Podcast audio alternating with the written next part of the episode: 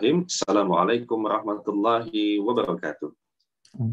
Alhamdulillah hamdan katsiran tayyiban mubarakan fi kama yuhibbu rabbuna wa yarda asyhadu an la ilaha illallah wahdahu la syarikalah wa asyhadu anna muhammadan abduhu wa rasuluh Allahumma salli wa sallim wa barik ala Muhammadin wa ala alihi wa sahbihi ajmain amma ba'd Brothers and sisters bagaimana kabarnya? Alhamdulillah Senang sekali kita bisa kembali berjumpa di majelis rutin kita di setiap Rabu malam di kajian rutin Salam Alhamdulillah. Dan kita berkumpul pada hari ini, Alhamdulillah, Masya Allah, kita kembali akan bersama bersama apa namanya menikmati sajian ilmu yang Alhamdulillah telah bergabung bersama kita, guru kita Alustad Rizal Yuliar Putra Elsyaf, Idahullah Ta'ala.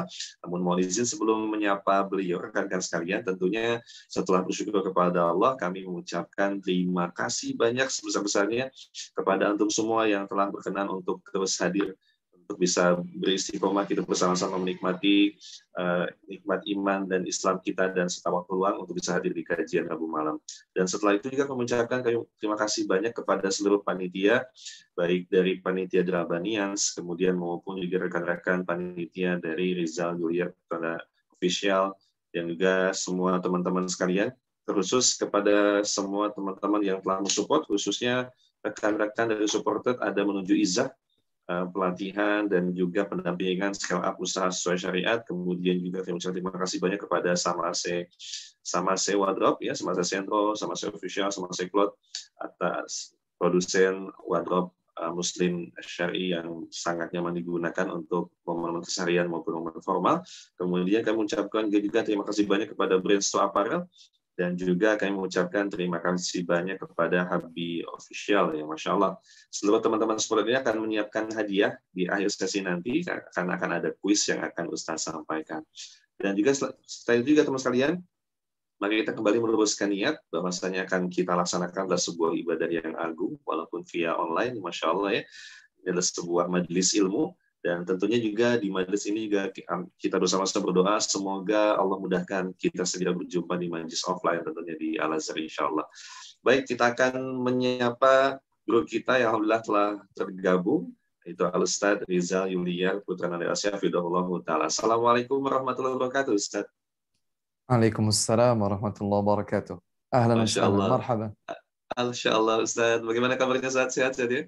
Sehat, Alhamdulillah baik. Gimana kabar Antum? Alhamdulillah. Kabar baik Ustaz, Alhamdulillah. Masya Allah, Masya Allah. Ustaz, terima kasih banyak atas waktunya kembali. Sungguh senang sekali bisa berjumpa dengan Ustadz. Barakallah Ustadz. Baik rekan sekalian, kita menyiapkan sebuah tema yang masih relate dengan keseharian kita ya Masya Allah. buat brothers and sisters nih ya. Mau tinggal dimanapun nggak mungkin tinggal sendirian ya. Di sebelah kanan kiri depan belakang mau itu dikontrakan di kosan, apartemen, rumahan, ya kan, rumah kampung, kita tentunya nggak bisa lepas dari mereka yang pintu rumahnya berdekatan dengan kita, yang bahkan eh, pagar temboknya berdempetan dengan tempat kita yang dan ya masih ingat nggak sih mungkin zaman dulu belum zaman lampu otomatis kayak sekarang ya. Kalau kita mau safar, nitip ke tetangga kan ya. Bu, Pak, mohon izin nitip lampu depannya kami nyalakan sebagai ini sungguh-sungguh sebuah reality ya, apalagi di kita di kultur timur ya, saja ya, masya Allah eh, yang sangat lekang sekali dengan pertetanggaan. Tapi dengan seiring berjalannya waktu, dengan kesibukan di dunia perkotaan, khususnya di kota-kota besar ya, masya Allah tampaknya eh, adab-adab pertetangga mulai sedikit terlunturkan dengan kesibukan kita berangkat pagi pulang malam, kemudian juga tegur sapa yang kurang, dan sebagainya. Padahal ternyata, wah ini menarik nih, akan Ustaz sampaikan sejauh mana sih hak-hak tetangga, dan juga bagaimanakah adab-adab sesungguhnya. Nah, oleh karena itu, kita akan angkat pada kesempatan kali ini bersama guru kita, Ustaz Rizal yang telah bergabung, terkait eh, tema ini yang tentunya sangat menarik. Nih. Seperti apa sih, eh, apa namanya, eh, hak-hak eh, tetangga dan yang ternyata sangat detail sekali Islam ajarkan. Baik Ustaz, kita akan coba mengawali uh, eh, sajian ilmu kita kepada Ustaz seperti apa sesungguhnya hak tetangga dalam Quran maupun Sunnah dan bagaimana uh, hak dan kewajibannya kepada Ustaz. Kami silakan untuk bisa berkenan menyampaikan materinya silakan Ustaz. Baik, eh, terima kasih Akhi Alvin, jazakallahu khairan. Eh, ikhwah dan akhwat brothers and sisters di mana saja berada rahimakumullah. Assalamualaikum warahmatullahi wabarakatuh. Waalaikumsalam warahmatullahi Alhamdulillahi rabbil alamin wassalatu wassalamu ala asyrafil mursalin nabiyyina Muhammadin wa ala alihi wa sahbihi ajma'in wa man tabi'a bihudahum ila yaumiddin amma ba'du. 'allimna ma yanfa'una wanfa'na bima 'allamtana wa zidna 'ilma. اللهم إنا نسألك الهدى والتقى والعفاف والغنى ثم أما بعد Teman-teman sekalian yang semoga senantiasa dimuliakan Allah Subhanahu wa taala. Eh, sesungguhnya kalau kita ingin mengkaji dengan komprehensif, lengkap, utuh tentang bagaimanakah bertetangga yang dituntunkan di dalam Islam, maka subhanallahil azim, kita dapatkan sedemikian lengkap tuntunan itu baik di dalam Al-Qur'an maupun di dalam hadis-hadis Rasulullah sallallahu alaihi wa ala alihi wasallam. Eh, ada satu ayat yang barangkali harus senantiasa kita ingat dalam berbagai segmen kehidupan, dalam dimensi dan lingkup apapun itu harus diyakini teman-teman sekalian, brothers and sisters, bahwa Islam adalah agama yang sempurna. Islam adalah agama yang sempurna.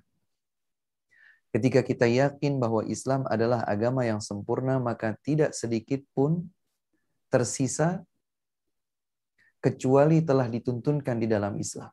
Dalam apapun mencakup dimensi kehidupan dan lingkup sekecil apapun itu.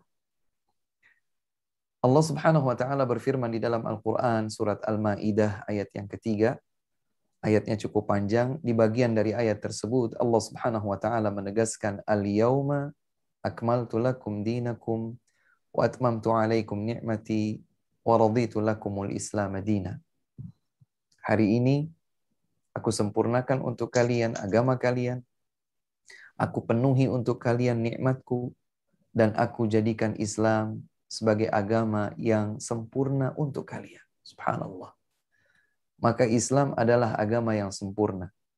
Jadi kalau tadi Akhi Alvin mengajak kita untuk bersyukur kepada Allah Subhanahu wa taala atas segala kenikmatan, sungguh kenikmatan Allah Subhanahu wa taala kepada kita sangat tidak bisa terbilang. Apalagi kalau kemudian tadi kita dengarkan ayat ini. Bayangkan kita alhamdulillah diberikan nikmat hidayah oleh Allah menjadi pengikut agama yang telah betul-betul diproklamirkan oleh Allah sebagai agama yang sempurna. Tidak sembarangan kesempurnaannya langsung dari Allah Subhanahu wa taala. Maka kita bersyukur kepada Allah atas semua nikmat ini. Termasuk yang akan kita bahas tentang bagaimanakah bertetangga pasti menjadi bagian dari tuntunan agama yang sempurna dan telah disempurnakan oleh Allah Subhanahu wa taala. Demikian pula di dalam hadis yang sahih diriwayatkan dalam berbagai jalur, diriwayatkan oleh Imam Al-Baihaqi dalam kitabnya Syu'abul Iman, diriwayatkan pula oleh Imam Ibnu Abi Syaibah. Ya. Bahwa Rasulullah Shallallahu alaihi wasallam bersabda, ma min syai'in yuqarribukum ilal jannati illa waqad haddatsukum bih wa ma min syai'in yub'idukum anin nar illa waqad haddatsukum bih kata Rasulullah sallallahu alaihi wasallam tidak ada sesuatu pun yang dapat mendekatkan kalian ke surga kecuali telah aku ajarkan untuk kalian. Demikian pula tidak ada sesuatu pun yang dapat menjauhkan kalian dari neraka kecuali aku pun telah mengajarkannya untuk kalian. Dalam redaksi riwayat yang lain, Rasulullah Shallallahu Alaihi Wasallam menyatakan tidak ada sesuatu pun yang dapat mendekatkan kalian, memasukkan kalian ke dalam surga kecuali telah aku perintahkan. Dan tidak ada sesuatu pun yang dapat mendekatkan kalian kepada neraka kecuali aku telah larang kalian akannya. Subhanallah. Maka kesempurnaan agama Islam ini menjadikan kita yakin bahwa dalam dimensi dan segmen kehidupan kita baik secara individual atau sosial maka pasti sudah ada tuntunan. Bukan sembarang tuntunan, tapi tuntunan yang sempurna bukan oleh siapa orang menyempurnakannya, tapi Allah Subhanahu wa taala yang telah menyempurnakannya langsung. Dan ada satu ayat lain yang mencakup semua bentuk kebaikan sekaligus ayat tersebut menetapkan larangan dari kita melakukan segala bentuk keburukan. Tepatnya dalam surat An-Nahl Ya, dalam surat An-Nahl ayat 90 Allah Subhanahu wa taala berfirman menyatakan ayat ini sering kita dengar ya teman-teman sekalian di penghujung khutbah Jumat biasanya. Imam membaca innallaha ya'muru bil adli wal ihsan wa ita'i dzil qurba wa yanha 'anil fahsya'i wal munkari wal baghi ya'idzukum la'allakum tadhakkarun.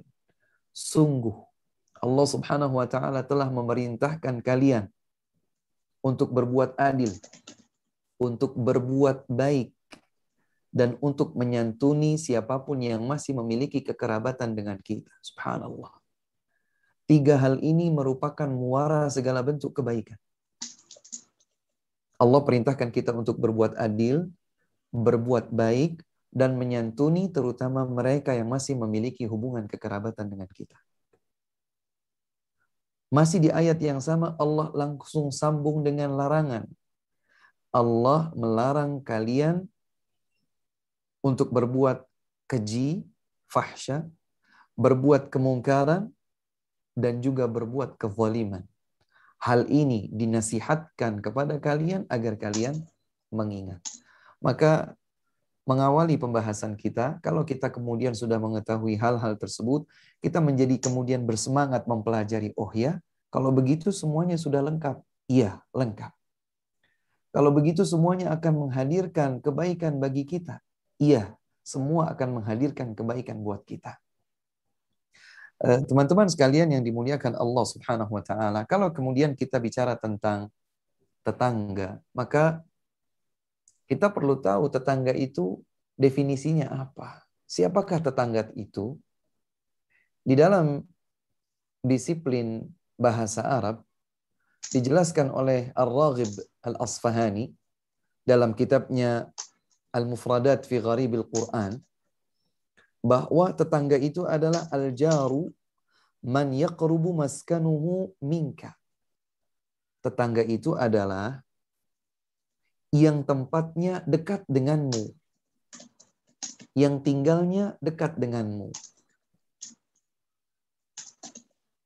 Dan ternyata imam syafii rahimahullahu taala, terkenal Imam syafii di dalam kitab beliau Al-Um ya, dalam kitabnya Al-Um beliau Imam syafii rahimahullahu taala menjelaskan bahwa Tetangga itu kata beliau kullu man qaraba badanuhu badana sahibihi qila lahu jar.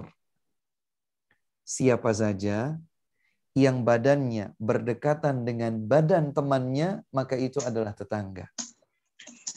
Maka benar sekali bahwa tetangga itu tidak hanya yang dekat rumahnya saja, tetapi kalau seandainya kita berada di kantor, kita tinggal di apartemen, kita punya toko yang berjejer dengan toko-toko lain, kita memiliki kebun yang kebun kita berdampingan dengan kebun orang lain, siapa saja yang kemudian berdekatan tempatnya, berdekatan fisik badannya, maka itu dapat disebut sebagai jar, tetangga.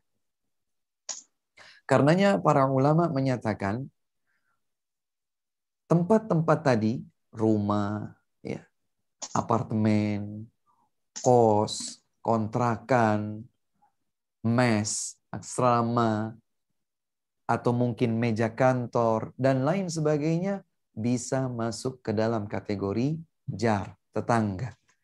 Oleh sebab itu, kita perlu memperhatikan seperti apakah hak tetangga yang harus kita penuhi. Agar jangan sampai kemudian kita menyatakan bahwa diri kita seorang muslim, agama kita adalah agama yang sempurna, yang kita ikuti adalah panutan kita Nabi Muhammad sallallahu alaihi wasallam, tapi ternyata perlakuan kita terhadap tetangga kita buruk. Bukan Islam yang keliru, tapi kita yang belum sepenuhnya menjalankan tuntunan Allah dan Rasulnya Sallallahu Alaihi Wasallam. Menarik tatkala para ulama mendefinisikan tetangga, bahkan mereka menyatakan satu istri dengan madunya ketika seorang itu berpoligami, ya eh, tentu ini akan menjadi lebih spesifik kepada mereka yang sudah mempraktekkan poligami. Antara seorang istri dengan istri yang lain bisa disebut jar tetangga. Dan hal ini disebutkan dalam sebuah hadis diriwayatkan oleh Bukhari dan Muslim pada kisah yang cukup panjang. Kisahnya cukup panjang yang kemudian eh, dari kisah panjang tersebut diturunkan firman Allah Subhanahu wa taala Eh, ayat 28 dan seterusnya ya pada surat Al-Ahzab. Pada surat Al-Ahzab ayat 28 dan seterusnya.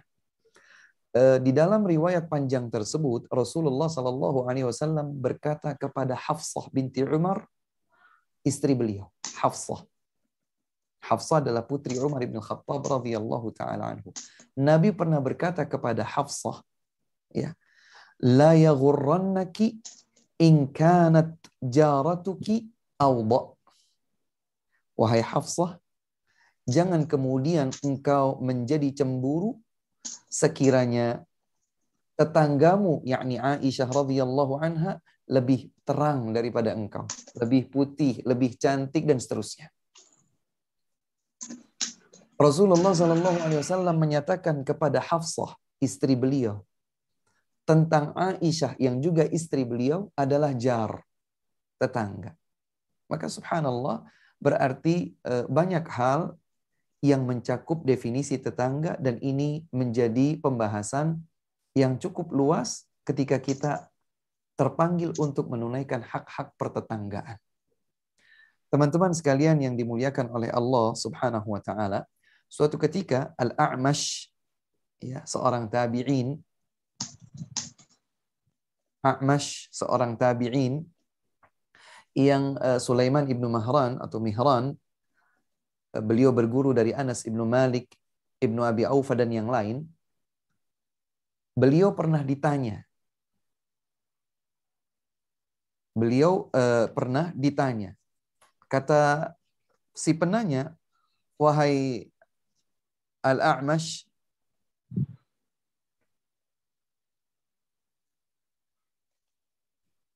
Eh, apa yang engkau lakukan ketika engkau kehilangan seseorang. Jadi Al-A'mash ditanya tentang kalau beliau itu kehilangan seseorang. Ternyata kejadian tersebut terjadi pada saat mereka duduk-duduk di masjid. Kondisi waktu itu para ulama as-salaf terdahulu. Mereka biasa memperhatikan kondisi saudara, tetangga, teman mereka di masjid. Jadi di masjid, oh fulan alhamdulillah sehat, fulan alhamdulillah ada, fulan alhamdulillah hadir. Kemudian Al-A'mash ditanya, bagaimana kalau engkau tidak melihat temanmu? Kata Al-A'mash, kami saling melihat setelah sholat. Ketika kami tidak mendapatkan satu hari ada tetangga kami yang tidak ada, kami berpikir, oh ya mungkin dia ada uzur, mungkin sedang ke pasar, sehingga sholat di tempat yang lain dan seterusnya. Dua hari dicari lagi. Kalau kemudian sudah tiga hari, mereka berpikir bahwa yang bersangkutan ini sakit dan ternyata juga memang bukan safar, maka langsung dijenguk. Artinya, bagaimana mereka para tabi'in sangat memperhatikan satu sama lain di antara mereka. Dan salah satu tempat yang menjadi media mereka untuk memantau, melihat, senang jika bertemu adalah di masjid. Berbeda dengan Al-Hasanul Basri rahimahullahu taala diriwayatkan oleh Al-Bukhari dalam kitab Al-Adabul Mufrad. Tatkala Al-Hasanul Basri ditanya, tetangga itu siapa? Siapa yang disebut dengan jar? Jar bahasa Arab artinya adalah tetangga. Kata Imam Al-Hasan Al-Basri rahimahullahu taala, 40 rumah ke kanan, 40 rumah ke kiri, 40 rumah ke depan, 40 rumah ke belakang, itulah tetangga. Subhanallah. Berarti luas sekali pembahasan tentang tetangga. Tetangga itu bukan cuma satu, dua, empat rumah kanan kiri, depan belakang kita, empat puluh rumah. Jadi empat puluh ke kanan, empat puluh ke kiri, empat puluh ke depan, empat puluh ke belakang, mereka adalah tetangga. Maka ini adalah sesuatu yang memang perlu diperhatikan karena ternyata para ulama ussalaf memperhatikannya. Teman-teman sekalian yang dimuliakan Allah Subhanahu wa taala, jadi eh, kita ini sedang akan membahas sesuatu yang eh, betul-betul memang ada di realita kehidupan kita dan sangat disayangkan kalau ternyata kita yang sudah betul-betul memperhatikan tuntunan Islam, sudah berhijrah, ingin menjadi lebih baik, ingin menjadi lebih dekat kepada Allah Subhanahu wa taala, ternyata kita belum berbuat yang terbaik untuk tetangga kita sebagaimana tuntunan Allah dan Rasulnya Sallallahu Alaihi Wasallam. Teman-teman sekalian, jika kita ditanya Ustadz, sebesar apa perhatian Islam dalam hak tetangga? Maka boleh dilihat firman Allah Subhanahu wa taala di surat An-Nisa surat yang keempat ayat 36. Surat An-Nisa ayat 36. Di dalam ayat tersebut Allah Subhanahu wa taala berfirman, "A'udzu billahi minasyaitonir rajim. Wa'budullaha ولا تشركوا به شيئا وبالوالدين إحسانا وبذي القربى واليتامى والمساكين والجار ذي القربى والجار الجنب والصاحب بالجنب وابن السبيل وما ملكت أيمانكم إن الله لا يحب من كان مختالا فخورا الله سبحانه وتعالى برفير من dan beribadahlah kalian hanya kepada Allah, jangan berbuat kesyirikan sedikit pun. Ini yang pertama. Hak Allah Subhanahu wa taala, kewajiban seorang hamba kepada Allah disebutkan di awal ayat ini. Kemudian Allah Subhanahu wa taala menyebutkan sembilan berikutnya adalah bagaimana seseorang terhadap sosial yang berada di sekitarnya di kehidupan dunia. Allah berfirman, "Wabil walidaini ihsana" dan hendaklah berbuat baik satu kepada kedua orang tua. Pembahasan tentang bakti kepada kedua orang tua sangat panjang dan kami cukup yakin teman-teman sekalian, brothers and sisters juga sudah sangat sering mendengarnya. Dengar kembali, ingat-ingat lagi, Allah Subhanahu wa taala menyandingkan perintah untuk bertauhid mengesakan ibadah kepada Allah dengan berbuat baik bakti kepada kedua orang tua. Satu. Berbuat baik kepada kedua orang tua. Kemudian Allah Subhanahu wa taala berfirman, "Wabidil qurba", berbuat baik jugalah kepada siapapun yang masih memiliki kekerabatan denganmu. Wal yatama, berbuat baik kepada anak-anak yatim wal masakin berbuat baik kepada kaum miskin wal jari kurba dan berbuat baik terhadap tetangga yang masih memiliki kerabat sebetulnya dia masuk kepada kategori kerabat tapi boleh jadi ada kerabat yang memang bertetangga berbuat baiklah kepada tetangga yang memiliki hubungan kekerabatan wal jaril junub berbuat baiklah kepada tetangga yang tidak memiliki hubungan kekerabatan. Wasahibi bil jambi berbuat baiklah terhadap teman yang dekat yang yang berada dekat dengan kalian. Wabnis sabil berbuat baiklah kepada seseorang yang terputus perjalanannya karena e, habisnya perbekalan. Wama malakat aimanukum dan berbuat baiklah kepada siapapun yang menjadi budak sahaya atau hamba eh, hamba sahaya. Dari sembilan ini, semuanya diperintahkan oleh Allah Subhanahu wa taala agar kita berbuat baik kepada mereka. Uniknya hanya tetangga yang disebutkan dua kali. Di satu ayat ini Tetangga disebutkan dua kali. Wal jaridil kurba. Berbuat baiklah kepada tetangga yang masih memiliki hubungan kekerabatan.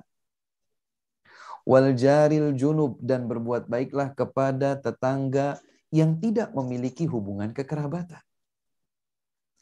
Padahal kalau seandainya Allah Subhanahu wa taala menyatakan dan berbuat baiklah kepada tetangga maka mau dia itu kerabat kita, mau bukan kerabat kita, dia tetangga, maka kita diperintahkan untuk berbuat baik. Tapi ternyata Allah Subhanahu wa taala menyebutkan dua kali yang artinya Islam betul-betul memperhatikan hal ini. Perintah Allah Subhanahu wa taala kepada kita semua untuk berbuat baik kepada tetangga, baik tetangga yang masih memiliki hubungan kekerabatan dengan kita ada ataupun yang tidak memiliki hubungan kekerabatan dengan kita. Teman-teman sekalian yang dimuliakan Allah Subhanahu wa taala, kita juga akan kemudian melihat perhatian besar Islam lainnya selain di dalam ayat 36 surat An-Nisa ini. Tergambarkan demikian jelas pada hadis-hadis Nabi Muhammad sallallahu alaihi wa ala alihi wasallam. Di antaranya adalah hadis yang diriwayatkan oleh Al-Bukhari dan Muslim dari beberapa jalur dari Aisyah, dari Ibnu Umar radhiyallahu anhum jami'an, Rasulullah sallallahu alaihi wasallam pernah bersabda, "Mazala Jibril yusini bil jar hatta dhanantu annahu sayuwarithu Kata Nabi sallallahu alaihi wasallam, Jibril alaihi salam, malaikat Jibril alaihi salam, terus menerus memberikan wasiat kepadaku untuk berbaik, berbuat baik kepada tetangga Bukan sekali dua kali, tapi terus menerus. Lagi diulang terus, diulang lagi, disampaikan kembali. Sampai-sampai aku mengira bahwa malaikat Jibril alaihi salam akan datang dengan wahyu dari Allah Subhanahu wa taala menetapkan bahwa tetangga akan termasuk yang mendapatkan warisan. Subhanallah. Saking seringnya malaikat Jibril alaihi salam berwasiat kepada Nabi Shallallahu Alaihi Wasallam agar berbuat baik terhadap tetangga. Sampai-sampai Nabi mengira jangan-jangan setelah ini kemudian akan ada wahyu disampaikan oleh malaikat Jibril alaihi salam dari Allah Subhanahu wa taala untuk menetapkan hukum bahwa tetangga termasuk yang dapat warisan. Walaupun kenyataannya tidak. Tapi saking seringnya malaikat Jibril alaihi salam berwasiat kepada Nabi untuk berbuat baik terhadap tetangga, sampai demikianlah dugaan Nabi sallallahu alaihi wasallam. Berarti besar ini perhatian Islam kepada kita semua untuk berbuat baik terhadap tetangga. Dalam hadis yang lain dan ini juga hadis yang cukup menarik agar kita ketahui bersama bagaimana semestinya kita bertetangga.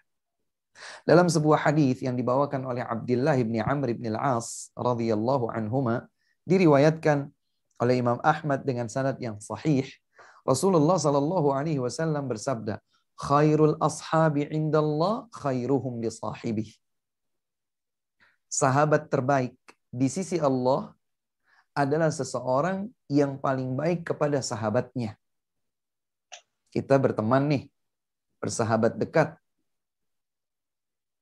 yang paling baik di sisi Allah adalah seseorang yang paling baik persahabatannya kepada kita.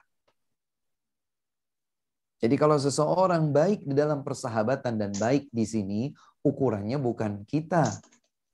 Baik itu bukan sering ngasih, sering traktir, sering kasih hadiah, sering berkunjung kepada kita, sering berbagi informasi, bukan. Yang baik itu adalah yang betul-betul sesuai tuntunan Allah dan Rasulnya Sallallahu Alaihi Wasallam.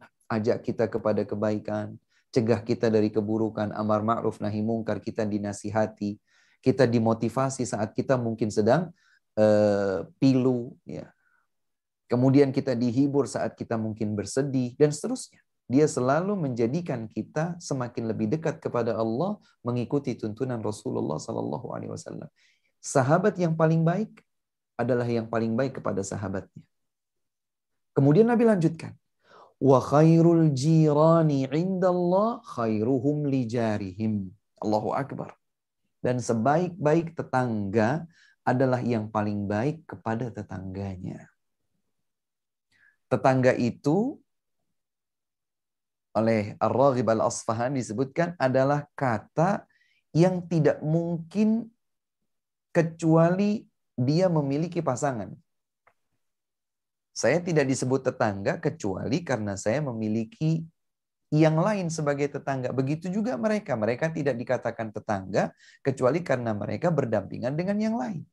Maka disebut tetangga karena satu sama lain saling berdekatan, berdampingan, dan seterusnya.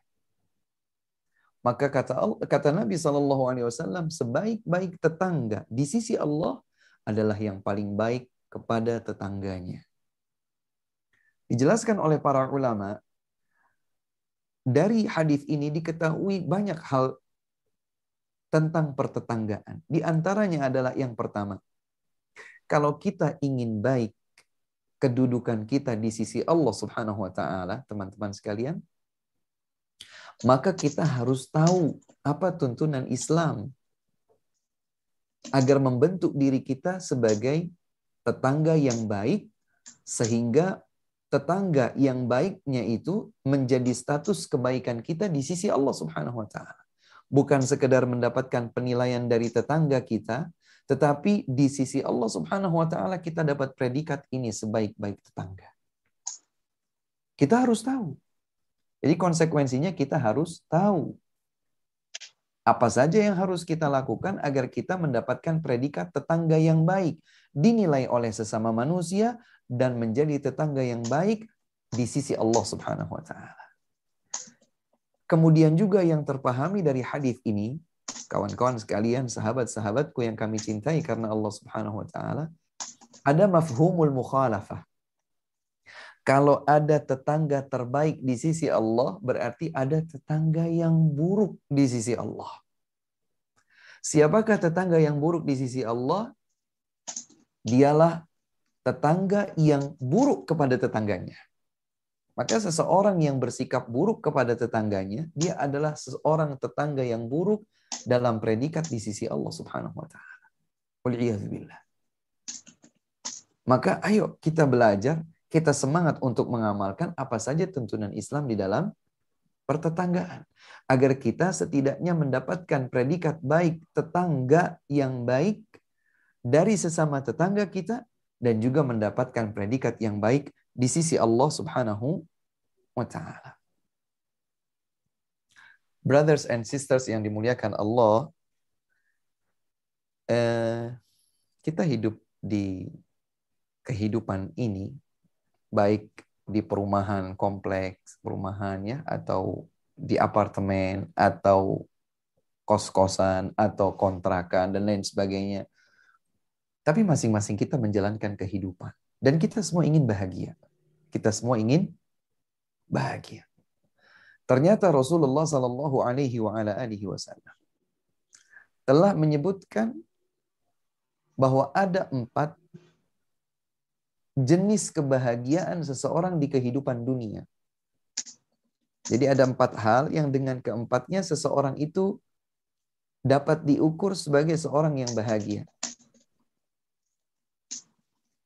Artinya Islam juga tidak tutup mata bahwa Islam eh, bahwa seorang hamba realistis dia butuh bahagia di kehidupan dunia. Apa ukurnya? Ukurannya apa?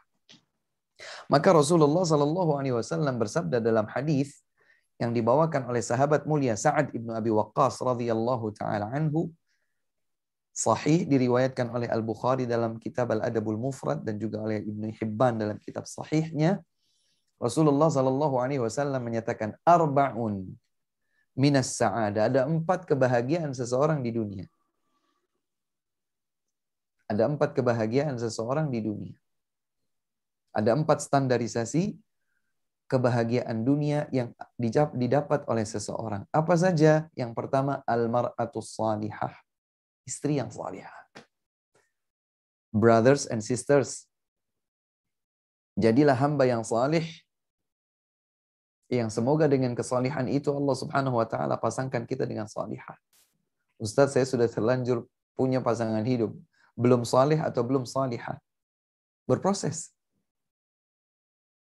Kalau saya adalah seorang laki-laki, maka saya berusaha bagaimana agar istri saya adalah istri yang salihah. Dia menjadi istri yang salihah. Karena ketika seseorang punya istri yang salihah, maka dia akan menjadi kebahagiaan bagi suaminya.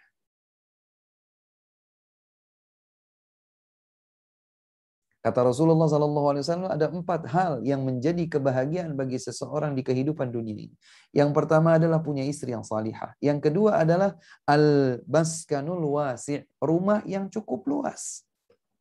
Jadi Islam itu tidak melarang kita punya rumah yang luas. Luas itu tidak harus megah ya.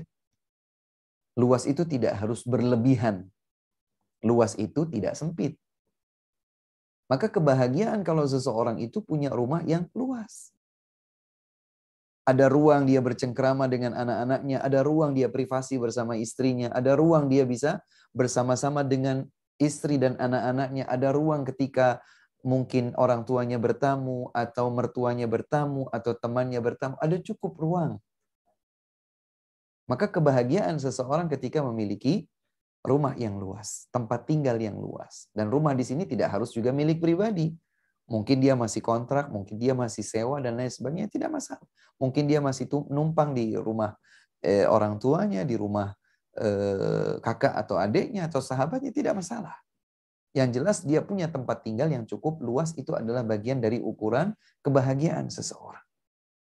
Kemudian yang ketiga kata Nabi Shallallahu Alaihi Wasallam wal jarus salih satu di antara empat ukuran kebahagiaan seseorang itu adalah punya tetangga yang saleh. Lihat, Islam memperhatikan ini. Tetangga yang saleh adalah bagian dari kebahagiaan kita hidup di dunia. Bayangkan kalau kita punya rumah yang megah, mobil yang banyak, dan lain sebagainya misalnya. Tapi tetangga kita tetangga yang buruk. Yang tidak mempedulikan hak-hak kita, yang selalu menyakiti dan menggolimi kita, yang tidak peduli terhadap kondisi kita, yang tidak mau menolong kita. Uh, luar biasa ini. Sengsara dunia sebelum waliyadzubillah juga mungkin akan menjadi sengsara di akhirat. Maka seseorang ketika punya tetangga yang salih, maka itu adalah kebahagiaan di dunia. Dan yang keempat adalah al-markabul hani. Kendaraan yang nyaman. Jadi Islam tidak tutup mata dengan realis, eh, realita kehidupan dunia. Islam agama yang realistis. Karenanya tadi disebutkan Islam adalah agama yang sempurna, agama yang dijadikan sebagai rahmatan lil alamin. Islam adalah agama kasih sayang bagi seluruh alam semesta. Jadi boleh kita punya kendaraan yang nyaman, bukan harus berlebihan, nyaman saja. Sesuai dengan kebutuhan, keperluan, cukup buat mendukung aktivitas kita sehari-hari dan akan menjadikan kita hamba yang bersyukur kepada Allah Subhanahu wa taala. Maka ada empat standarisasi kebahagiaan seseorang di kehidupan dunia ini.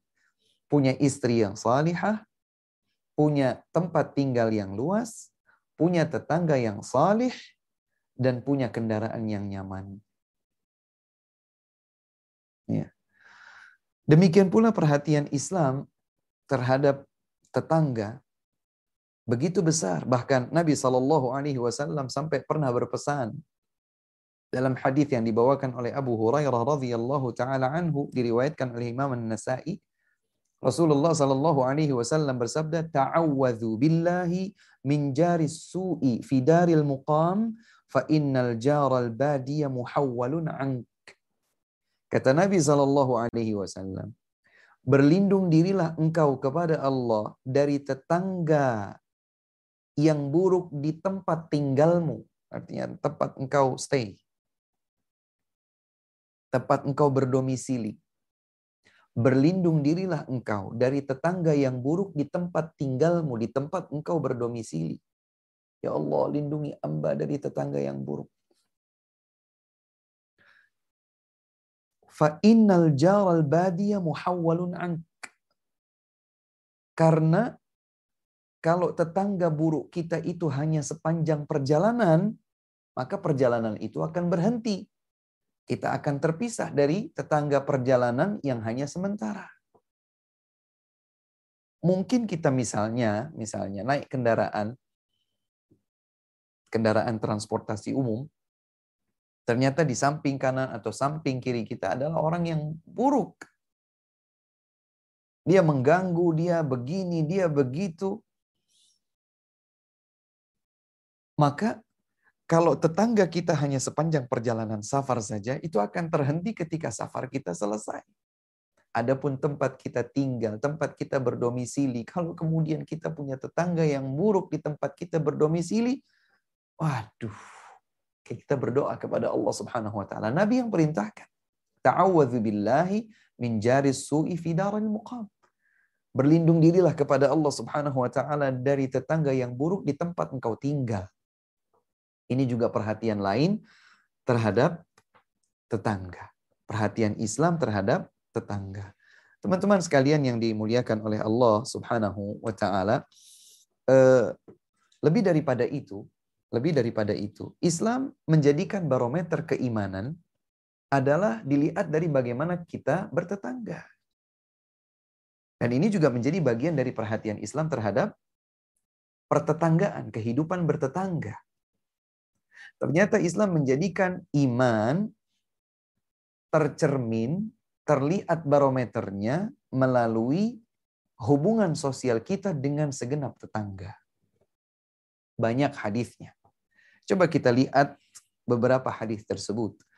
Di antaranya adalah hadis yang dibawakan oleh Abu Hurairah radhiyallahu anhu diriwayatkan oleh Bukhari dan Muslim juga dibawakan oleh Abu Shuraih al Khuzai diriwayatkan juga oleh al Bukhari dan Muslim hadisnya sahih Rasulullah Shallallahu Alaihi Wasallam bersabda, saya cukup yakin, uh, brothers, sisters, teman-teman sekalian, di mana saja berada, rahimakumullah, sudah pernah dengar hadis ini. Setidaknya maknanya ya, terjemahannya. Rasulullah Shallallahu Alaihi Wasallam bersabda, "Man kana yu'minu billahi wal yawmil akhir, fala yu'zi jarahu." Siapa yang beriman kepada Allah dan hari akhir, maka jangan dia ganggu tetangganya.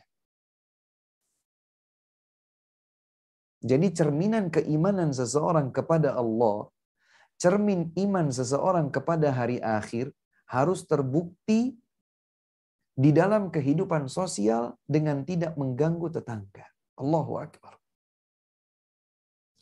Berarti kalau ada seseorang yang masih hobi mengganggu tetangganya, menyakiti tetangganya, ada sesuatu yang harus diluruskan pada imannya kepada Allah dan kepada hari akhir.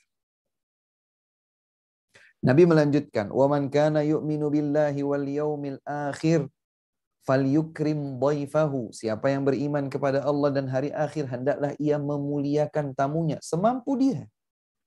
Memuliakan tamunya semampu dia. Memuliakan tamu merupakan bukti dan cerminan keimanannya kepada Allah Subhanahu wa taala dan juga kepada hari akhir. Wa man kana yu'minu billahi wal yawmil akhir falyaqul khairan awliyasmut. Dan barang siapa yang beriman kepada Allah dan hari akhir, hendaklah ia bicara yang baik atau diam.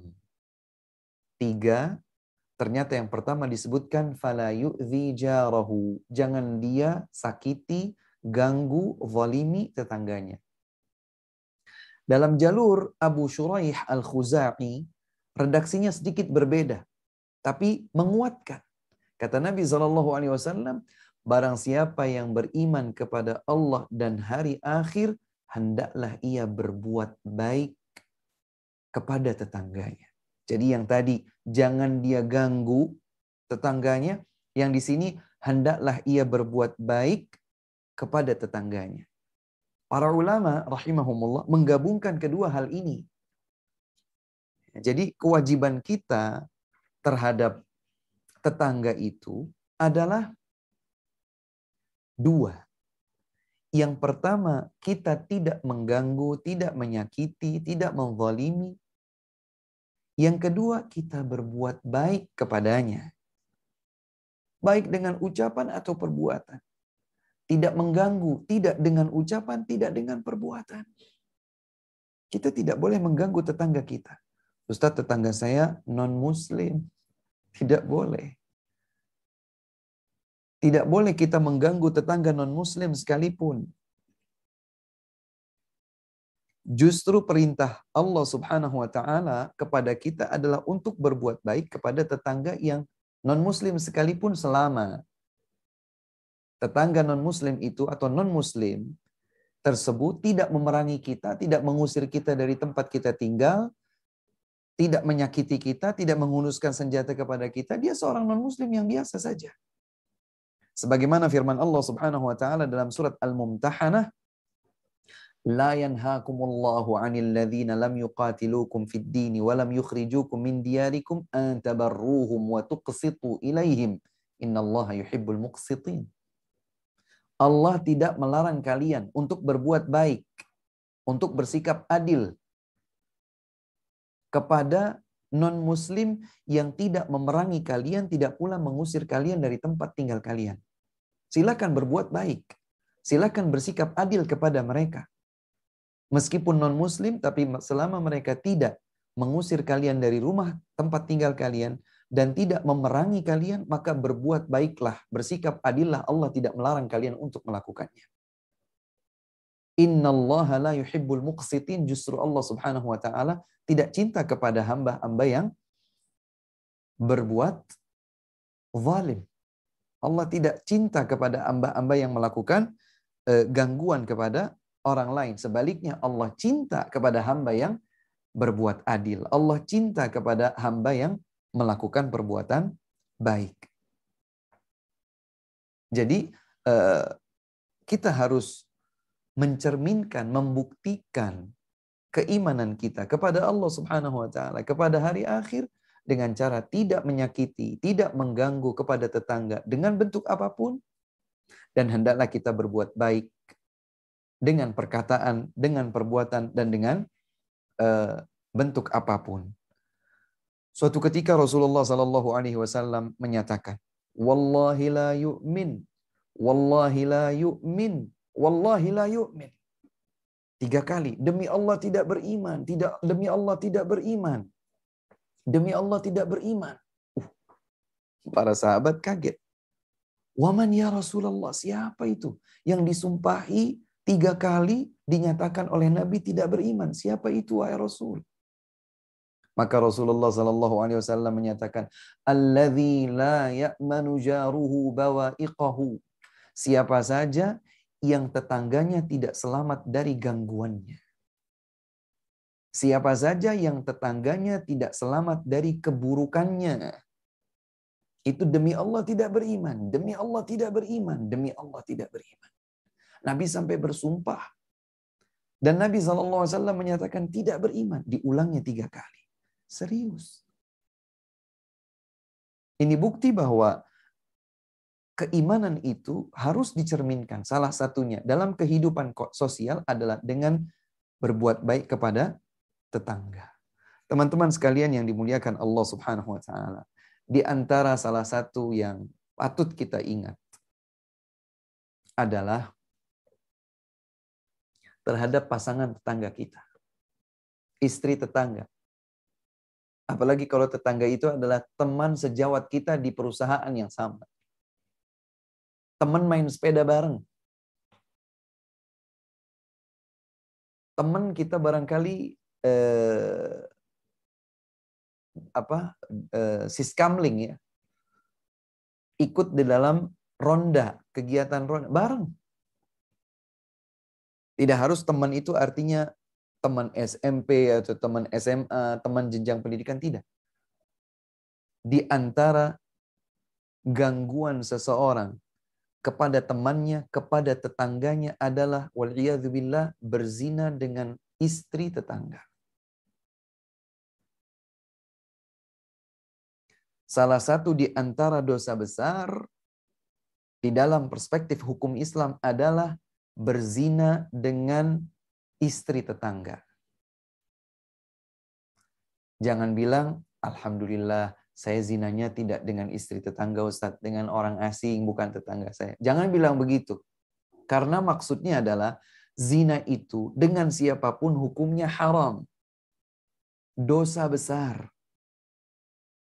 Kita tidak sedang membahas itu.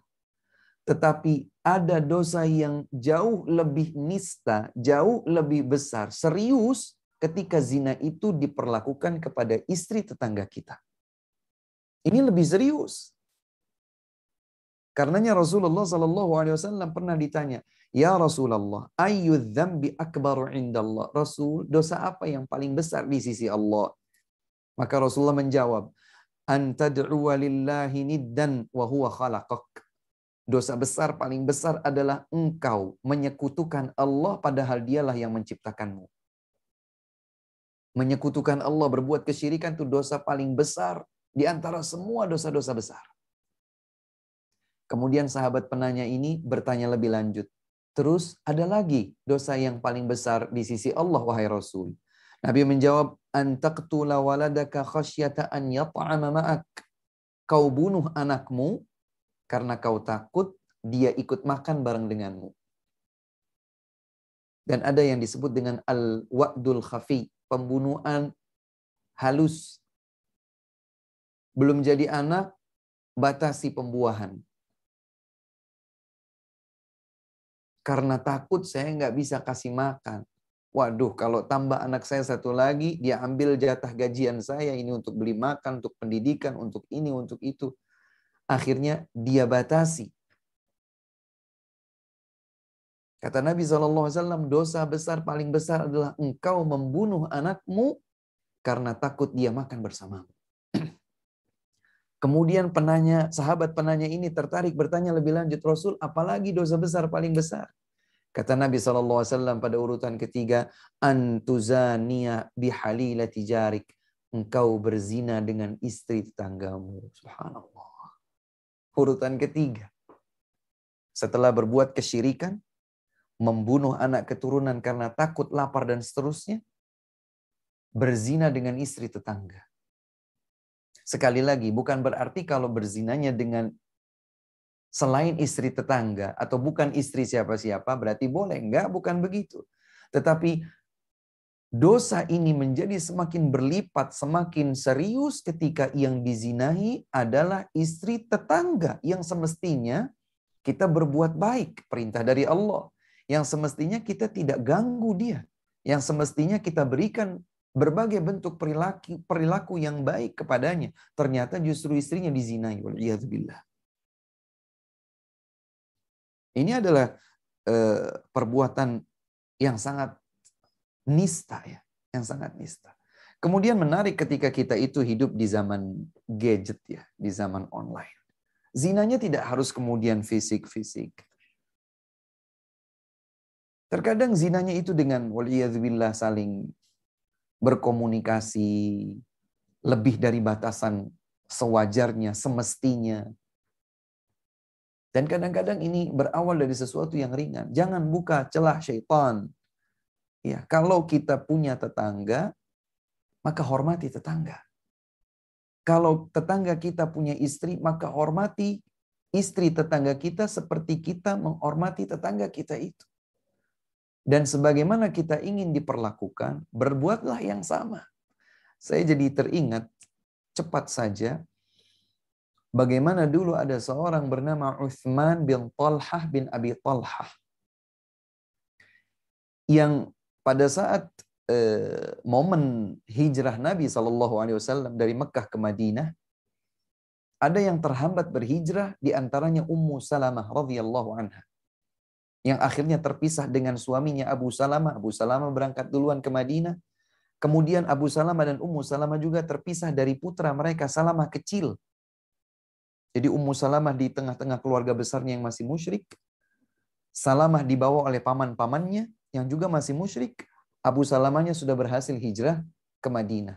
Lebih kurang satu tahun Ummu Salamah bercerita tentang dirinya tiap hari selama lebih kurang satu tahun berdiri di satu tempat yang tinggi namanya Abtah untuk melihat ke arah Madinah menangisi ya Allah saya ini seorang wanita terpisah dari eh, suami dan anak saya sampai lebih kurang satu tahun dilobi sama sepupunya, satu kerabatnya, agar Ummu Salamah dibiarkan menyusul suaminya.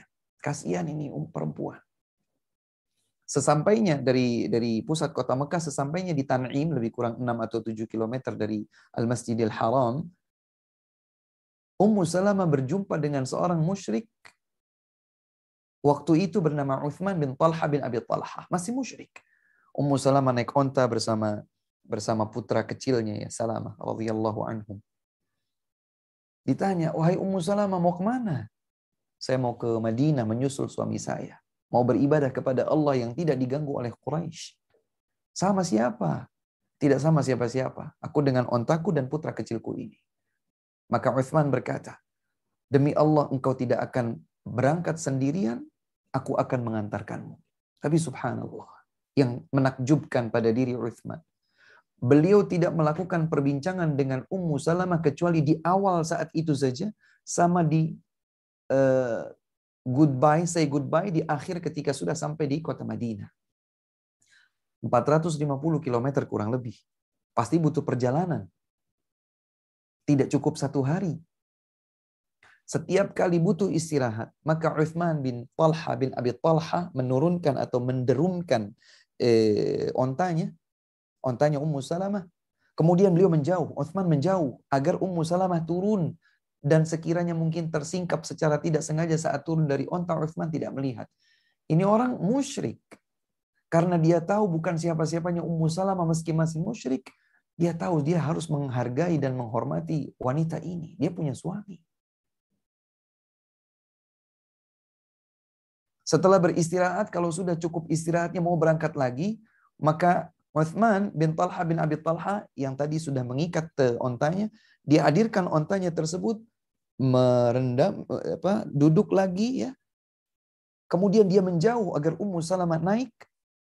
Setelah mapan baru kemudian Uthman mendekat lagi dan ontanya diberdirikan kemudian dituntun lagi. Begitu terus 450 km. Kemudian sesampainya di kota Madinah, wahai Ummu Salamah, di sanalah tempat suamimu. Susullah beliau tanpa pamrih Uthman bin Talha bin Abi Talha langsung pulang dan waktu itu beliau masih musyrik. Subhanallah, beliau masuk Islam kalau tidak salah setelah Fathu Makkah di tahun 8 Hijriah. Dijelaskan oleh para ulama, boleh jadi kebaikannya memuliakan seorang wanita yang sudah bersuami, dia tidak ganggu sama sekali itulah yang menjadi sebab taufik Allah Subhanahu wa taala memberikan hidayah kepada Utsman bin Talha bin Abi Talha. Maka teman-teman sekalian, sahabat-sahabatku, jangan sampai kita kemudian tidak menghormati tetangga kita dengan mengganggu, menggoda, bahkan lebih daripada itu sampai berzina dengan istri tetangga kita. Dosa besar, ini tidak boleh. Rasulullah sallallahu Alaihi Wasallam bersabda, "La yadkhulul jannata man la ya'manu jaruhu bawa'iqahu." Tidak masuk surga siapa yang tetangganya tidak aman dari keburukannya. Kalau tadi Nabi bersumpah, demi Allah tidak beriman, demi Allah tidak beriman, demi Allah tidak beriman. Siapa Rasul? Yang tetangganya tidak aman dari gangguannya, dari keburukannya. Dalam redaksi yang lain Nabi menyatakan, tidak masuk surga siapa yang tetangganya tidak aman dari gangguan dirinya. Subhanallah. Nauzubillah. Jangan sampai kemudian kita dinyatakan tidak beriman di dunia ini. Jangan sampai pula kemudian kita terhalang masuk surga gara-gara kita tidak berbuat baik kepada tetangga, bahkan lebih daripada itu gara-gara kita berbuat buruk kepada tetangga. Teman-teman sekalian yang dimuliakan Allah Subhanahu wa taala, tetangga itu ada tiga macam. Secara umum ada tiga macam. Tetangga muslim masih memiliki hubungan kerabat dengan kita. Maka tetangga seperti ini punya tiga hak hak Islam, hak sebagai tetangga, dan hak kerabat. Jenis yang kedua, tetangga Muslim bukan kerabat. Tetangga jenis ini punya dua hak. Hak Islam dan hak pertetanggaan. Tetangga yang ketiga adalah tetangga non-Muslim maka tetangga jenis ini punya satu hak saja, itu hak pertetanggaan. Jadi bukan berarti kalau tetangga kita non-muslim, artinya kita tidak boleh berbuat baik kepada dia. Enggak. Tidak demikian Islam mengajarkan. Justru Islam mengajarkan kita berbuat baik kepada seorang tetangga. Sekalipun dia adalah seorang non-muslim. Selama dia tidak mengganggu kita, dia tidak memerangi kita, dia tidak mengusir kita dari tempat kita tinggal, maka kita berkewajiban untuk eh, memberikan perbuatan baik atau perlakuan baik kepadanya. Disebutkan eh, dari Abdullah ibnu Amr ibn al-As radhiyallahu anhuma, sahabat putra sahabat. Disembelih seekor kambing di rumah istrinya. Kemudian beliau datang. Abdullah bin Amr bin al-As datang. Kemudian Abdullah ibnu Amr bin al-As sahabat ini bertanya, ahdaitum al yahudi? Apakah kalian sudah memberikan hadiah dari kambing yang dipotong ini? Sudah berikan hadiah kepada tetangga kita yang Yahudi? Diulang pertanyaannya dua kali. Sudah dikasih hadiah untuk tetangga kita yang Yahudi. Tetangganya non-muslim, Yahudi. Yang terkenal membenci kita kaum muslimin. Tapi bukan berarti kemudian kita tidak berbuat baik kepadanya. Beri hadiah. Kemudian kata Abdullah bin Amr bin Al-As, aku telah mendengar Rasulullah sallallahu alaihi wasallam pernah bersabda, "Mazala Jibril yusini bil jar hatta dhanantu annahu sayuwarithu." Terus-menerus Jibril memberikan wasiat kepadaku agar berbuat baik kepada tetangga sampai-sampai aku mengira bahwa malaikat Jibril akan membawa wahyu untuk menetapkan hukum tetangga itu termasuk yang mendapatkan warisan. Sampai seperti itu para sahabat memahami tuntunan Nabi Shallallahu Alaihi Wasallam agar berbuat baik kepada tetangga. Ustadz, tetangga kitanya nggak beres. Tetangga kitanya yang jahat, Ustadz sabar. Bukan kemudian perbuatan buruk tetangga kita, kita balas dengan keburukan serupa. Lalu apa beda kita dengan dia? Bukankah Allah Subhanahu wa taala berfirman dalam surat Fussilat ayat 34, "Wala al hasanatu wala sayyi'ah idfa' billati hiya ahsan."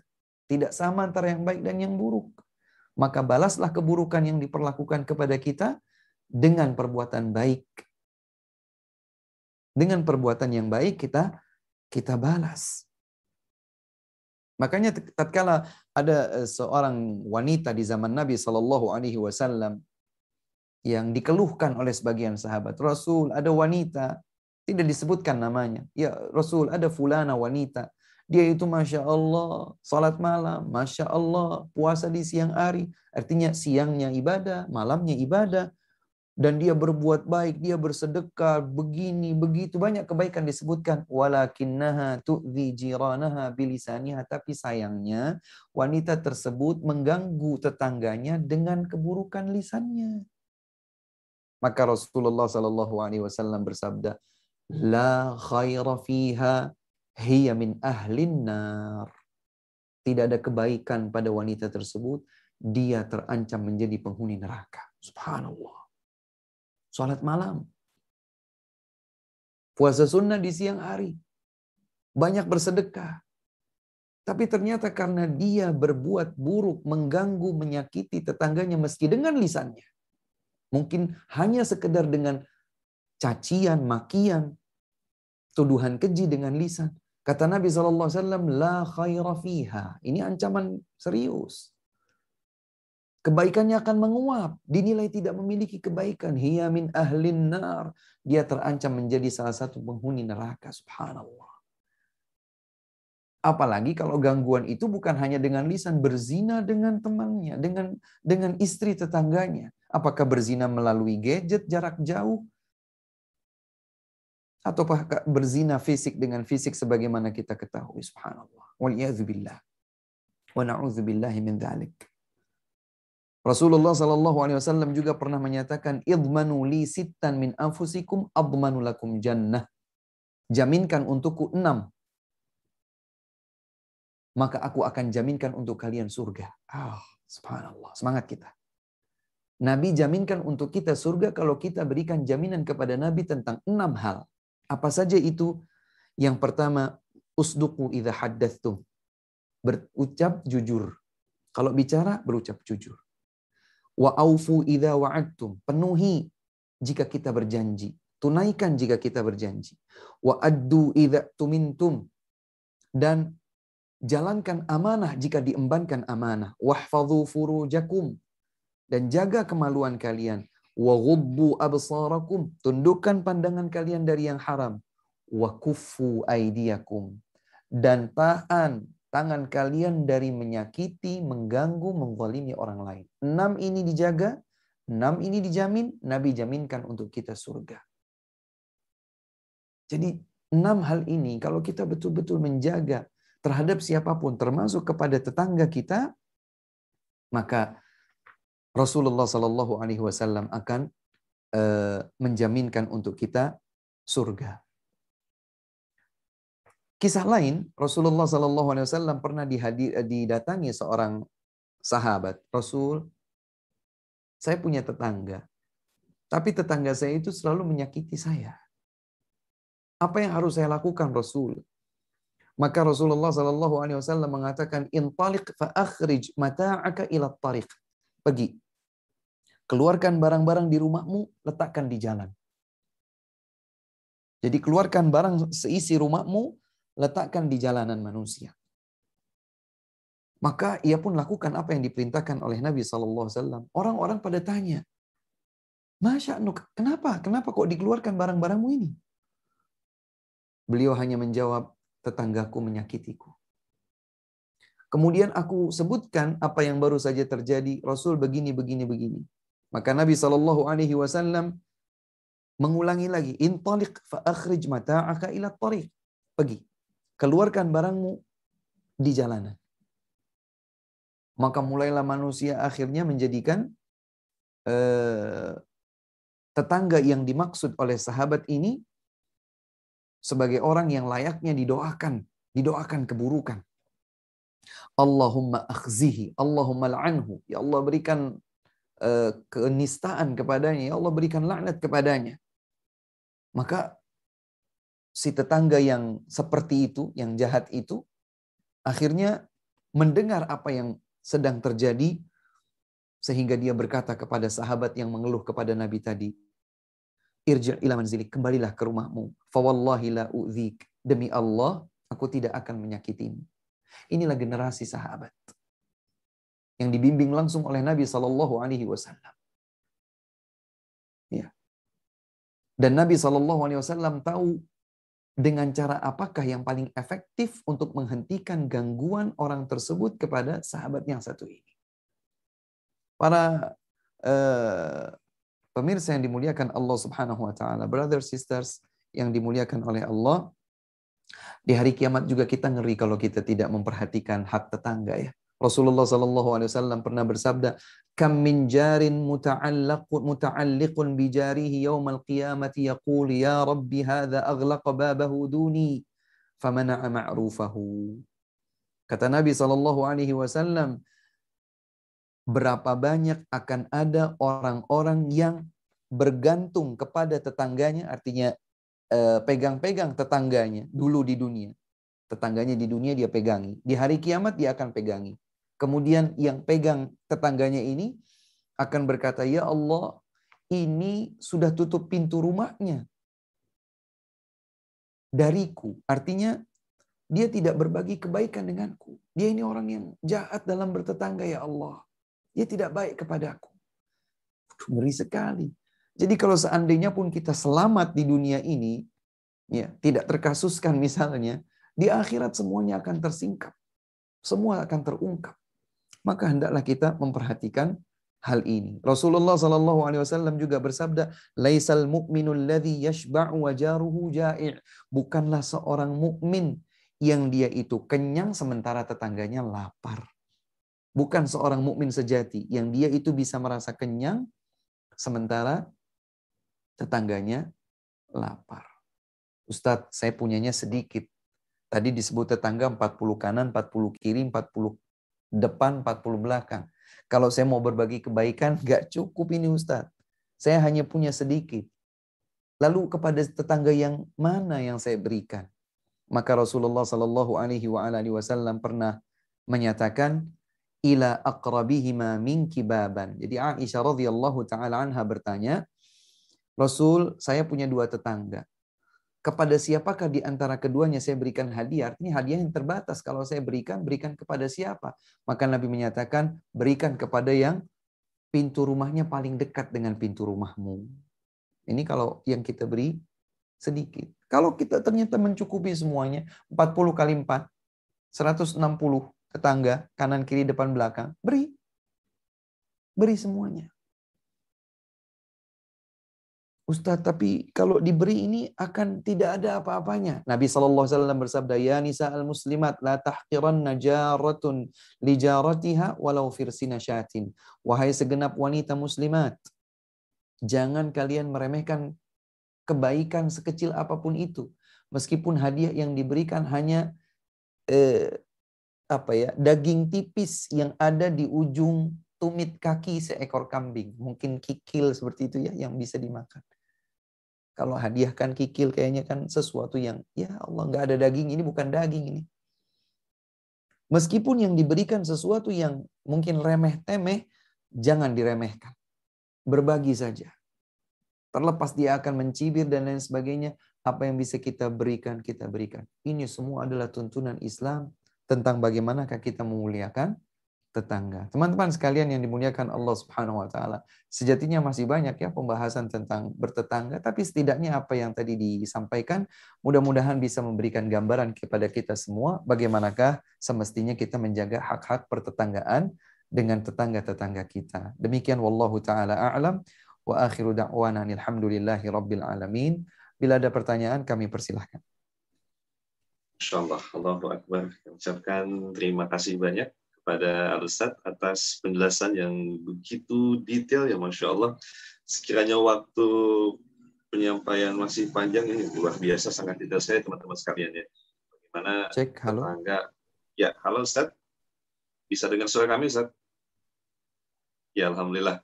Teman-teman sekalian begitu detail sekali uh, penyampaian Ustaz terkait eh, hak tetangga ini dan tentunya ini menunjukkan betapa sempurnanya Islam ya Masya Allah.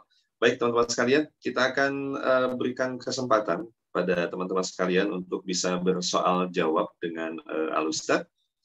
Kita akan coba angkat, silakan Kang Denny, mungkin kita bisa angkat dua penanya terlebih dahulu. Kami silakan Kang Denny.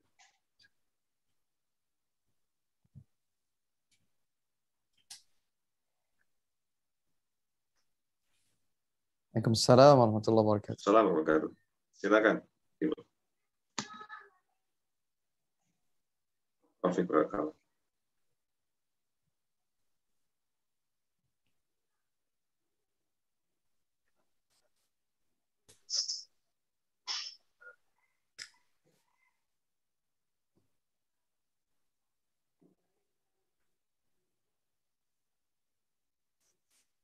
kalau kita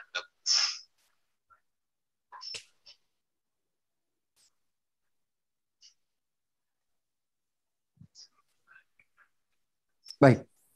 Afan, wajazakumullah khairan. Terpahami pertanyaannya. Boleh ya kalau kita mengawali bertegur sapa selama tidak mengawali dengan salam maka boleh. Tidak terlarang. Jadi misalnya eh, Bapak misalnya begitu kan. Mari Pak, bertegur sapa tidak masalah selama bukan salam. Jadi boleh kita mengawali tegur sapa dengan tetangga non muslim atau non muslim siapa sendiri tetangga kita sekalipun Eh, tanpa mendahului atau tanpa mengucapkan salam kepadanya. Dan kalau kita diberikan salam lebih awal oleh seorang non-muslim, maka cukup kita menjawab wa'alaikum. Jawabannya adalah wa'alaikum. Wallahu a'lam. Terima kasih banyak. Kibom. Baik, selanjutnya ada Sami-Sami. Ada Emirza, silakan. Assalamualaikum. Waalaikumsalam warahmatullahi wabarakatuh. Eh, izin bertanya Ustaz kalau misalnya di tetangga, Ana tuh dia setiap malam Jumat tuh ada pengajian gitu ya Ustaz sama komunitasnya dan itu sangat mengganggu di tetangga sekitar banyak juga yang sudah ada ngomong malah ngomongnya di belakang soalnya nggak enak untuk menyampaikan adab yang paling baik Ustadz untuk menyampaikan itu seperti apa ya Ustadz ya? Barakallahu fikum. Eh, saran kami adalah eh, tetangga yang merasa terganggu dengan suara kegiatan itu bisa menyampaikannya kepada penanggung jawab seperti RT atau RW atau yang semisal.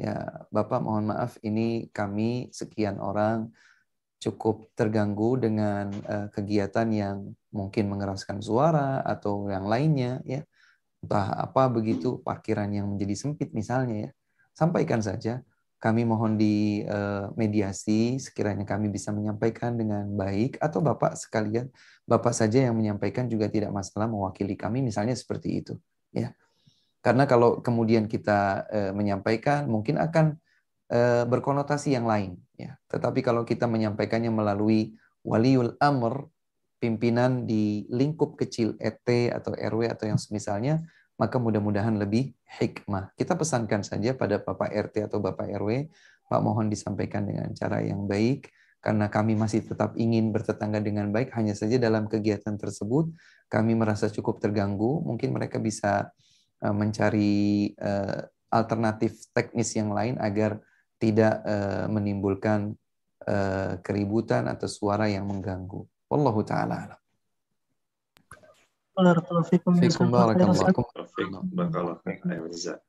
Baik, Kang Denny, kita bisa angkat kembali dua penanya, tapi sambil ditahan terlebih dahulu, silakan diangkat dua. kita akan coba sampaikan kepada Ustadz eh, pertanyaan dari YouTube, Ustadz. Mohon izin, Ustadz. Silakan. Baik, baik Ustadz, ada pertanyaan dari eh, YouTube. Eh, Afwan Ustadz, bagaimanakah hukumnya para perokok yang asap rokoknya selalu menzalimi orang lain saat ini kaitannya terkait tetangga yang sering merokok dan asap asap rokoknya selalu masuk ke rumah kami Ustaz. Iya. Jadi bagaimana sikap kita dan bagaimana cara menyampaikannya? Iya, yang pertama kita bersabar ya. Kita bersabar kalau kemudian kita mendapatkan momen yang tepat ya, eh, waktu yang pas, kita juga sudah siapkan diksi kata-kata yang hikmah, yang bijak, yang lembut, maka kita sampaikan.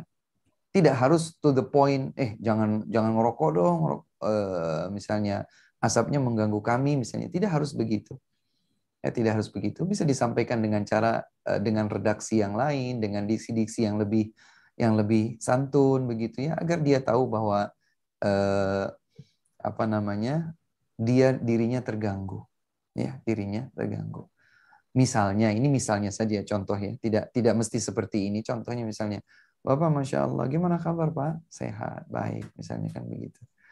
Uh, apa sudah sudah cair suasana sudah ngobrol eh bapak ngomong-ngomong bapak ketika uh, ngerokok istri bapak sudah biasa oh biasa saja misalnya seperti itu hmm. terus tanya tanya tanya yang kemudian emang kenapa enggak sih pak saya kadang-kadang aja misalnya jadi kurang enak nafasnya pak mohon maaf gitu atau seperti apalah ya saya tidak tidak tidak tidak memastikan cara tertentu karena kita harus tahu juga siapa orang yang kita hadapi ada sebagian orang yang memang to the point itu pas tapi ada juga yang tidak gitu kita intinya adalah bagaimana sehikmah mungkin kita sampaikan nasihat tersebut kalau kita tidak memandang kita tepat untuk menyampaikannya, maka kita bisa titipkan kepada seseorang yang lebih tepat menyampaikannya. Seperti pertanyaan sebelumnya tadi. Ya, kalau itu kepada Pak RT, ini mungkin kepada kalau eh, kita misalnya lewat istri kita, istri kita dipesani untuk bisa menyampaikan kepada istrinya, tapi dipesankan agar tidak menjadi eh, kasus besar begitu ya. Hanya sekedar ingin menjaga kesehatan dan lain sebagainya dan seterusnya ya. Maka itu eh, bisa lebih menjaga insya Allah eh, hubungan pertetanggaan dengan dengan kita. Wallahu a'lam. Masya Allah. Baik, terima kasih banyak Ustaz atas jawabannya. Kita masih memiliki waktu. Sini telah bergabung di Clubhouse. Silakan. Siapa dulu nih Kang Deni? Mbak Rina dulu ya, silakan. Mbak Rina dulu silakan. Silakan. Assalamualaikum warahmatullahi wabarakatuh. Assalamualaikum dan serta kaum muslimin selalu dalam lindungan Allah. Amin. Amin. Ustaz izin bertanya, uh, jika kita berkurban kambing, tadi kan terhukum jika bertetangga sesam, bersama kaum kafir ada hak bertetangga. Lalu bagaimana jika kita berkurban atau memberikan atau bagaimana Ustaz? Iya. Syukur. Iya, barakallahu fikum kurban jika yang dimaksud adalah kurban yang kita biasa eh, lakukan di Idul Adha boleh boleh kita berikan kepada seorang non muslim ya boleh apalagi non muslim yang potensial untuk eh, menerima eh, hidayah Islam lebih boleh lagi atau misalnya seseorang yang sudah simpatik terhadap Islam dengan akhlak mulia yang selama ini kita upayakan dia tertarik misalnya terlihat ada titik-titik simpatik padanya kepada kita, maka kita manfaatkan ya kurban itu untuk diberikan kepadanya sebagai hadiah. Jadi boleh boleh memberikan sebagian eh, hadiah dari kurban tersebut kepada non muslim sekalipun. Wallahu a'lam. Nah, Baik, terima kasih Marina dan selanjutnya telah ada Niki, silakan.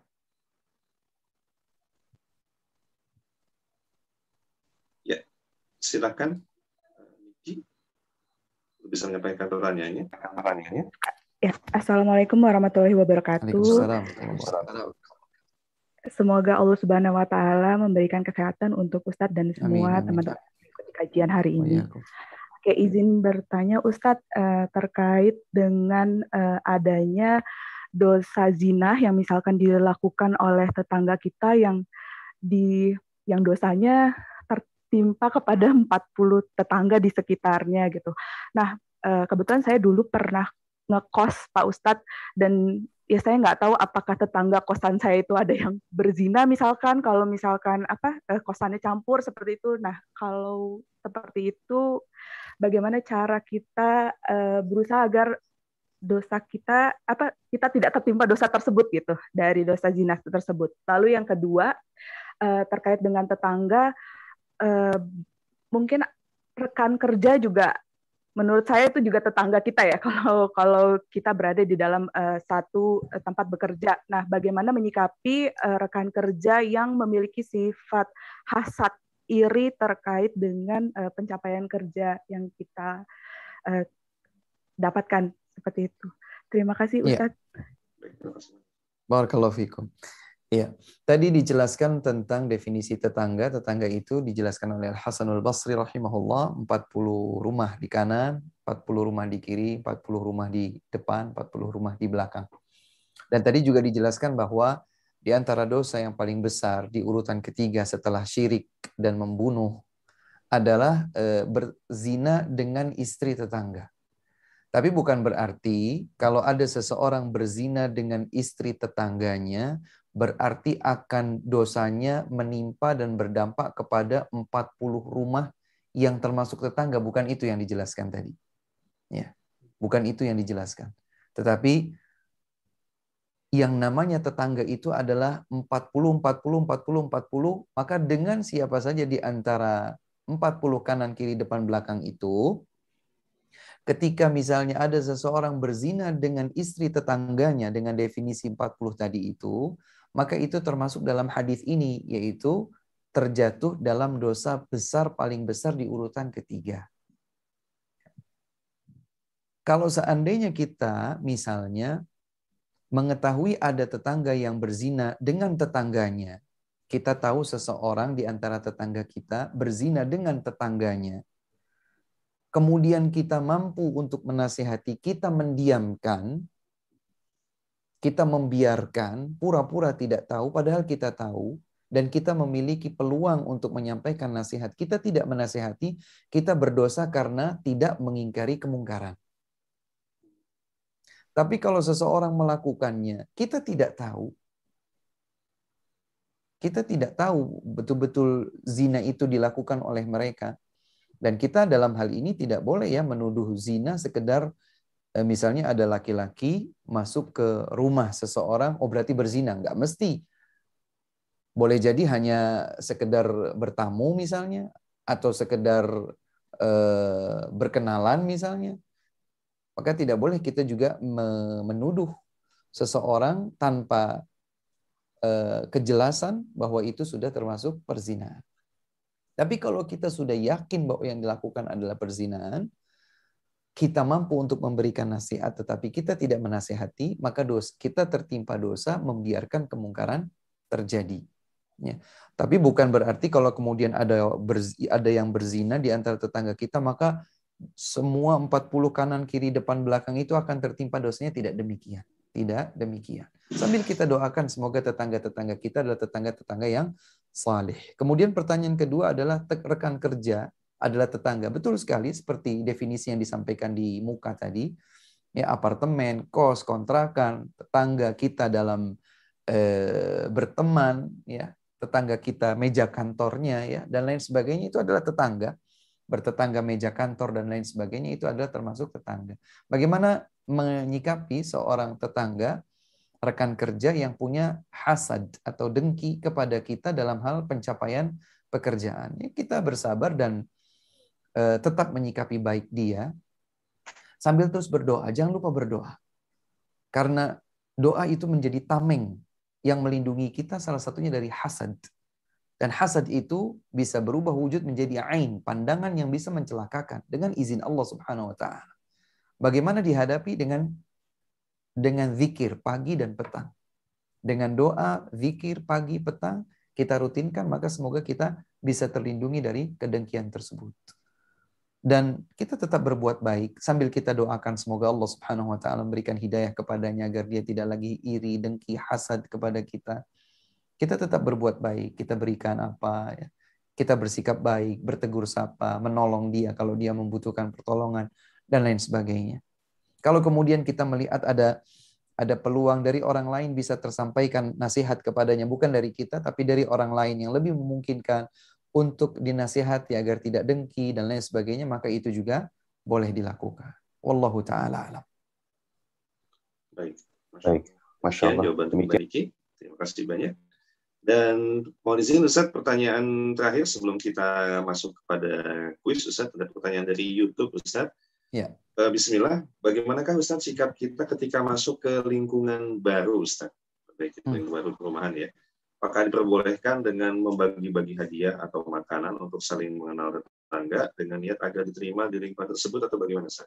Ada Baik, eh, boleh, boleh kita berbagi hadiah ya untuk sambil kita memperkenalkan diri, kita berbagi kebaikan dan lain sebagainya. Insya Allah ini boleh. Hanya saja tidak diyakini sebagai tuntunan Islam. Islam itu mengajarkan kalau kita pindah rumah harus bagi hadiah kalau nggak bagi hadiah maka berdosa misalnya gitu itu tidak boleh diyakini seperti itu tetapi secara umum berbagi hadiah itu baik apalagi kita sebagai pendatang baru di sebuah perumahan misalnya maka sembari memperkenalkan diri kita berbagi kebaikan ya memberikan hadiah maka ini insya Allah tidak tidak masalah selama tidak diyakini sebagai sebuah ritual agama yang menghadirkan pahala ya dan e, tidak berlebihan ya, tidak berlebihan. Kita sekedar memperkenalkan diri, berbagi hadiah dan seterusnya, maka insya Allah itu eh, boleh-boleh saja. Wallahu a'lam.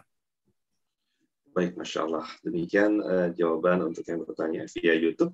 Ustadz, uh, sudah pukul 21.30, tapi kami mohon izin kepada Ustadz mungkin sedikit extra time saja ya, untuk eh, boleh, ada boleh, tulis.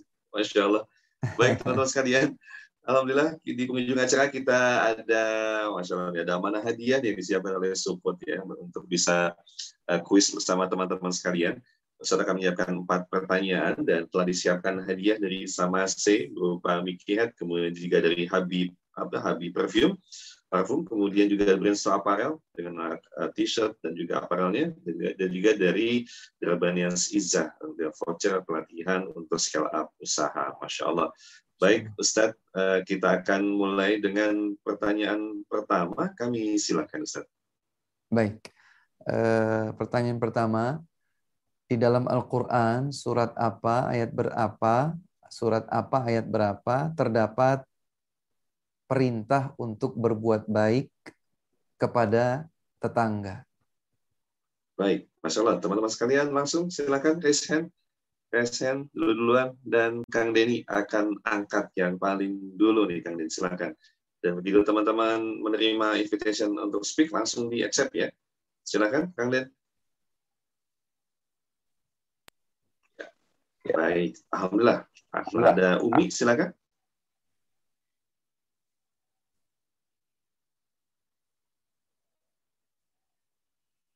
Surat Al-Mumtahanah ayat 8 belum tepat. Baik. Mohon maaf Umi, terima kasih banyak atas partisipasinya. Selanjutnya silakan. Baik. Iya, Umi terima kasih banyak atas atensinya.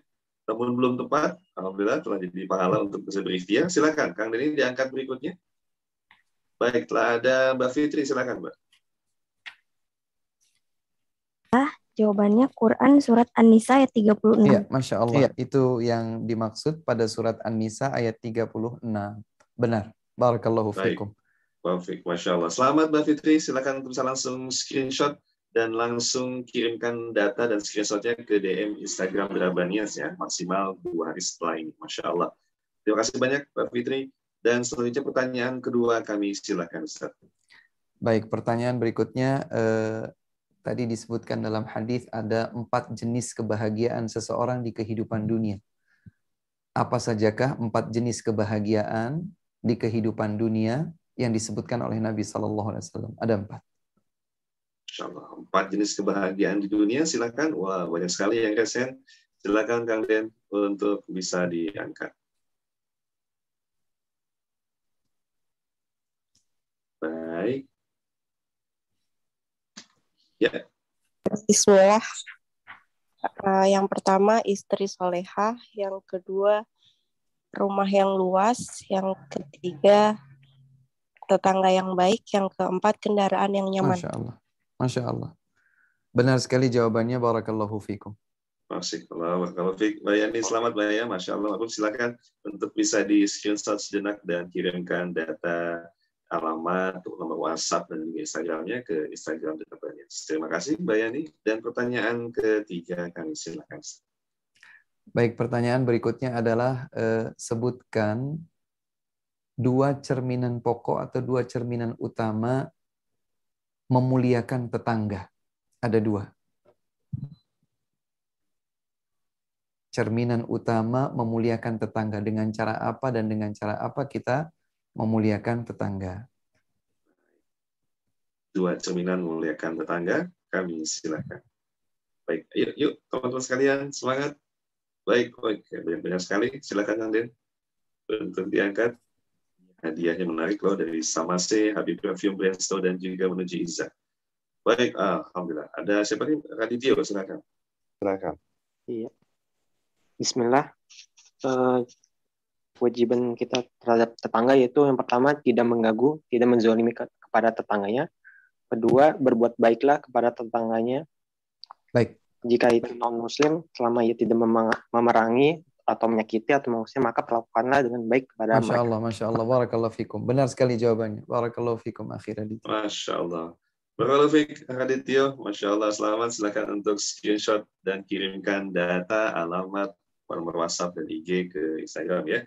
Ada hadiah dari sama semikit atau dari t-shirt uh, store Baik.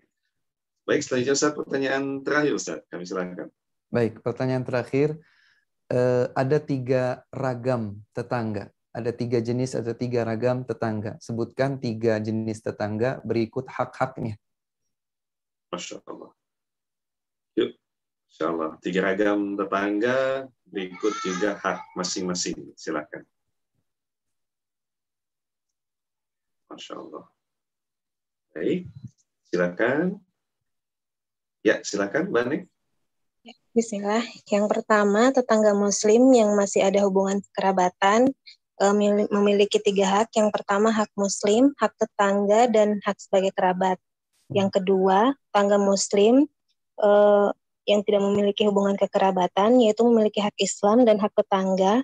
Yang ketiga, tetangga non-muslim, yaitu memiliki hak dalam bertetangga. Masya Allah, tabarakallah. Benar sekali, barakallahu fikum. Masya Allah, barakallahu fikum. Banyak masalah. selamat silakan untuk bisa screenshot dan kirimkan datanya ya ke DM Instagram Rabi Manian. Kami tunggu loh teman-teman yang telah uh, menjawab, quiz dan berhak mendapatkan hadiah. Kami tunggu datanya dikirimkan ke DM Instagram dan nanti akan dikirimkan hadiah menarik dari para supporter. Dan jangan lupa kalau sudah diterima hadiahnya, kabari ya minimal kami tahu bahwa hari sudah sampai ya Masya mungkin bisa di post di story dan sebagainya dan terima kasih kepada Samase kemudian juga Habib Review, Brainstorm Apparel, dan juga menuju Izzah. Masya Allah. Baik Ustaz, Alhamdulillah kita telah berada di penghujung acara Ustaz. Barangkali ada sedikit simpulan penutup untuk kajian kita pada malam ini. Silakan Ustaz. Ya, eh, Teman-teman sekalian yang dimuliakan Allah Subhanahu wa taala, brother eh, brothers and sisters yang semoga senantiasa dimuliakan Allah. Demikianlah secara singkat tadi Hmm, kajian kita